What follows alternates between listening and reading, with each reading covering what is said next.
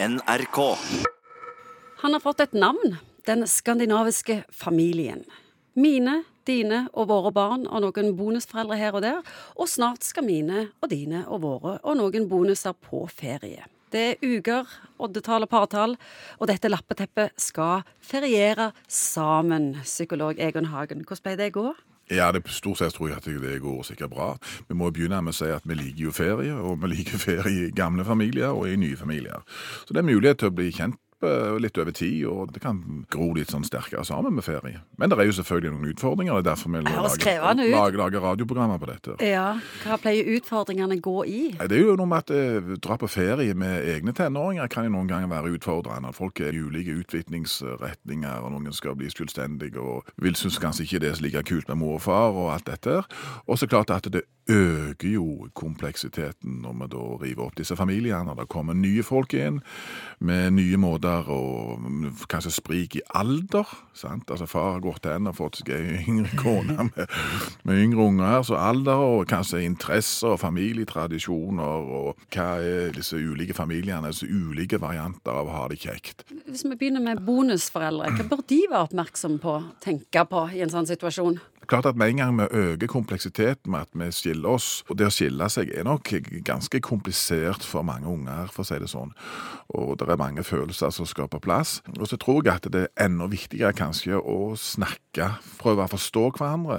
For mange av disse tatt for gitthetene som du på mange måter kunne hvile deg på når du var i din egen familie, de må nå liksom sånn trykktestes. Og det er ikke sikkert at dine ideer om hva som er kjekt og god ferie, samsvarer med disse, disse nye ungene som du har fått et stykke ut i livet. Så kompleksiteten fordrer at vi snakker litt mer, rett og slett. Hva skal en tenke rundt forventninger? En av de viktigste tingene med nye, disse nye familiene våre, det er at vi ikke bruker kjernefamilien som fasit.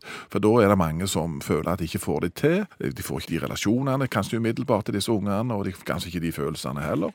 Noen ganger så oppdager du kanskje at 'å gud, jeg likte mannen, men jeg var ikke like fornøyd med ungene'. Og da må du som voksen selvfølgelig lære å turnere dine egne følelser.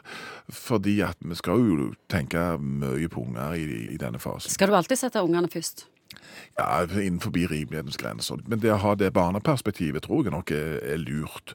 Å prøve å si litt om hva du sjøl tenker, og sjekke dette ut, hvordan dette samsvarer med de andre. Og noen ganger så går jo dette kjempebra. En finner ut at det ikke bare likte du mannen, men det ungene òg passet godt inn. Men jeg tror verktøyskrinet her består i å avklare forventninger, rett og slett. Og avtale kanskje hele ferien i veldig god tid. ja, nå syns han det bør være veldig pedagogisk.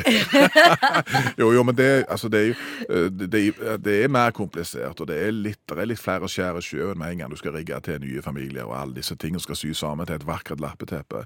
Men vi har ikke noe annet. Nål og tråden her det er jabbe og snakkingen, avklare forventningene og prøve å Være litt fleksibel. Fleksibel, ja, og prøve noe for andre, sånn at det kan være noen for enhver.